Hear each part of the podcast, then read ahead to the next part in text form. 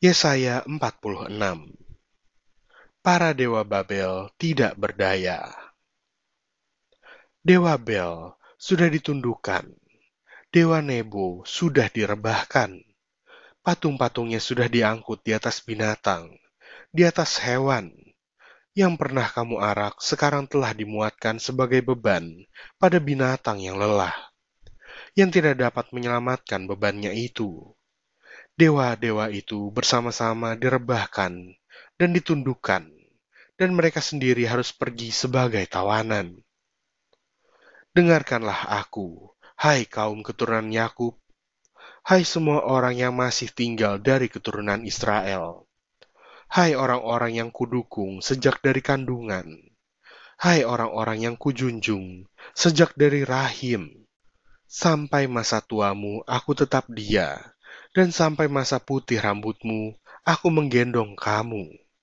Aku telah melakukannya dan mau menanggung kamu terus.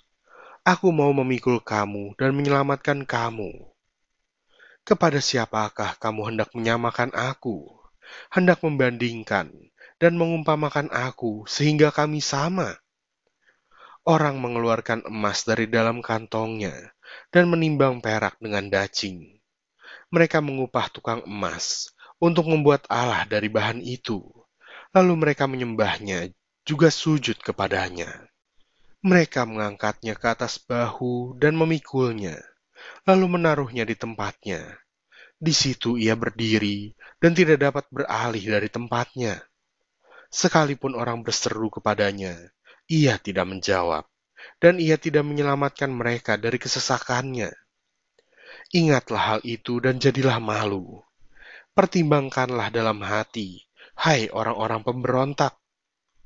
Ingatlah hal-hal yang dahulu dari sejak purbakala, bahwasanya akulah Allah dan tidak ada yang lain.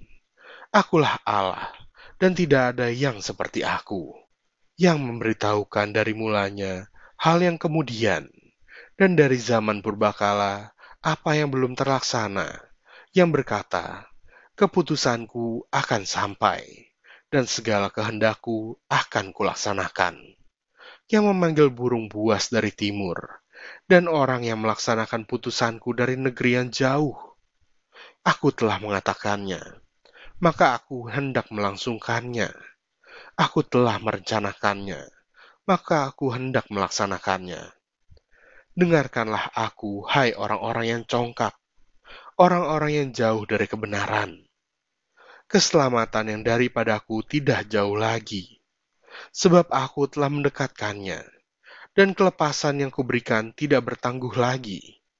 Aku akan memberikan kelepasan di Sion, dan keagunganku kepada Israel.